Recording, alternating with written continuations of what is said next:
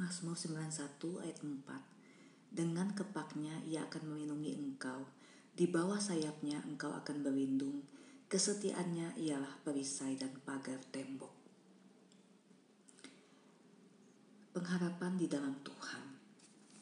Saudara, Mazmur 91 adalah salah satu ayat yang paling menghibur dalam Alkitab.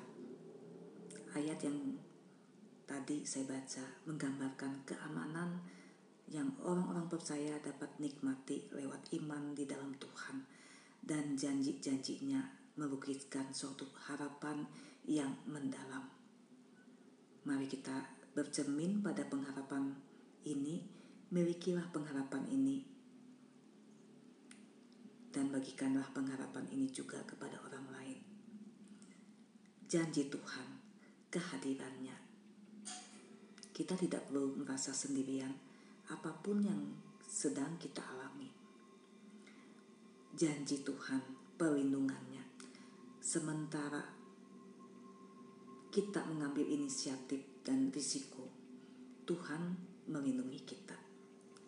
Janji Tuhan, damai sejahtera kita tidak perlu merasa tidak aman dalam daerah yang tidak kita kenal. Janji Tuhan, sudut pandangnya. Tuhan memberikan pandangan hidup yang kekal yang akan menjaga saudara tetap stabil. Janji Tuhan, kecukupannya. Apa pun kebutuhan kita, Tuhan memenuhinya. Janji Tuhan, kuasanya dalam kesukaran Tuhan akan membawa dan menolong kita untuk mencapai tujuan kita.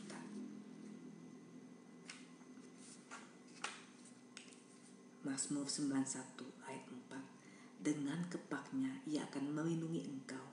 Di bawah sayapnya engkau akan berlindung. Kesetiaannya ialah perisai dan pagar tembok. Apalagi yang kita khawatirkan? Taruhlah pengharapan selalu di dalam